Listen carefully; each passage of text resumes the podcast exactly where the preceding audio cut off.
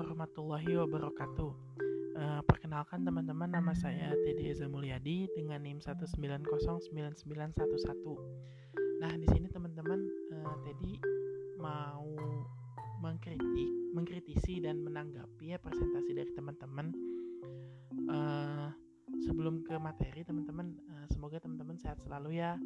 Uh, tetap di rumah aja. Semoga uh, pandemi ini cepat berakhir dan kita bisa segera bertemu di kelas gitu teman-teman.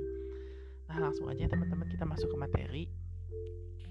Jadi gini teman-teman uh, untuk powerpoint yang teman-teman sajikan sudah bagus ya tampilannya pun sudah menarik dan bahasa yang teman-teman masukkan pun sudah uh, sesuai dengan materi. Jadi inti-intinya saja sudah sudah sesuai dengan intinya saja.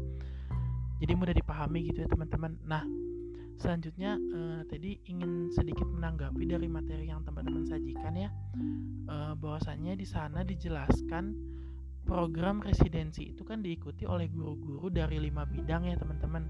Nah di sini tadi ingin sedikit menambahkan mungkin alangkah lebih baiknya jika program ini dijalankan di Indonesia atau bahkan di seluruh dunia pun uh, alangkah lebih baiknya jika guru agama pun diikut sertakan gitu teman-teman. Karena Kenapa? Karena seperti yang kita ketahui ya teman-teman, uh, semakin ke sini semakin maju teknologi, dunia ini semakin uh, manusianya semakin kurang gitu teman-teman terhadap uh, terhadap kondisi religiusnya teman-teman. Jadi alangkah lebih baiknya jika uh, program ini diikut sertakan juga guru agama gitu teman-teman.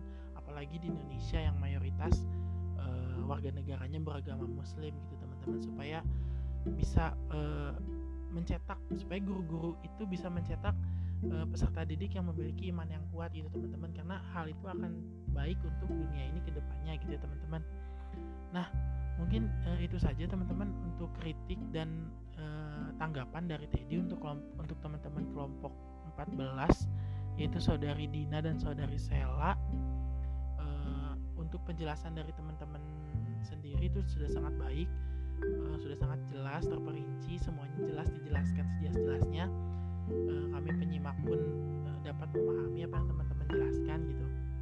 Nah uh, selanjutnya tadi ingin bertanya teman-teman untuk teman-teman kelompok 14 uh, bahwasanya jika program presidensi ini tidak berjalan dengan baik teman-teman uh, akankah hal ini berpengaruh tidak atau akankah hal ini berpengaruh kepada proses pembelajaran siswa gitu teman-teman?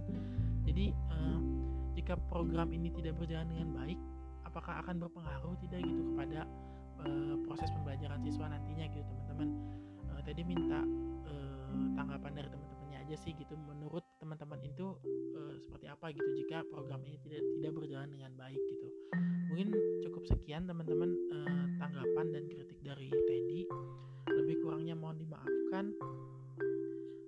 Wassalamualaikum warahmatullahi wabarakatuh.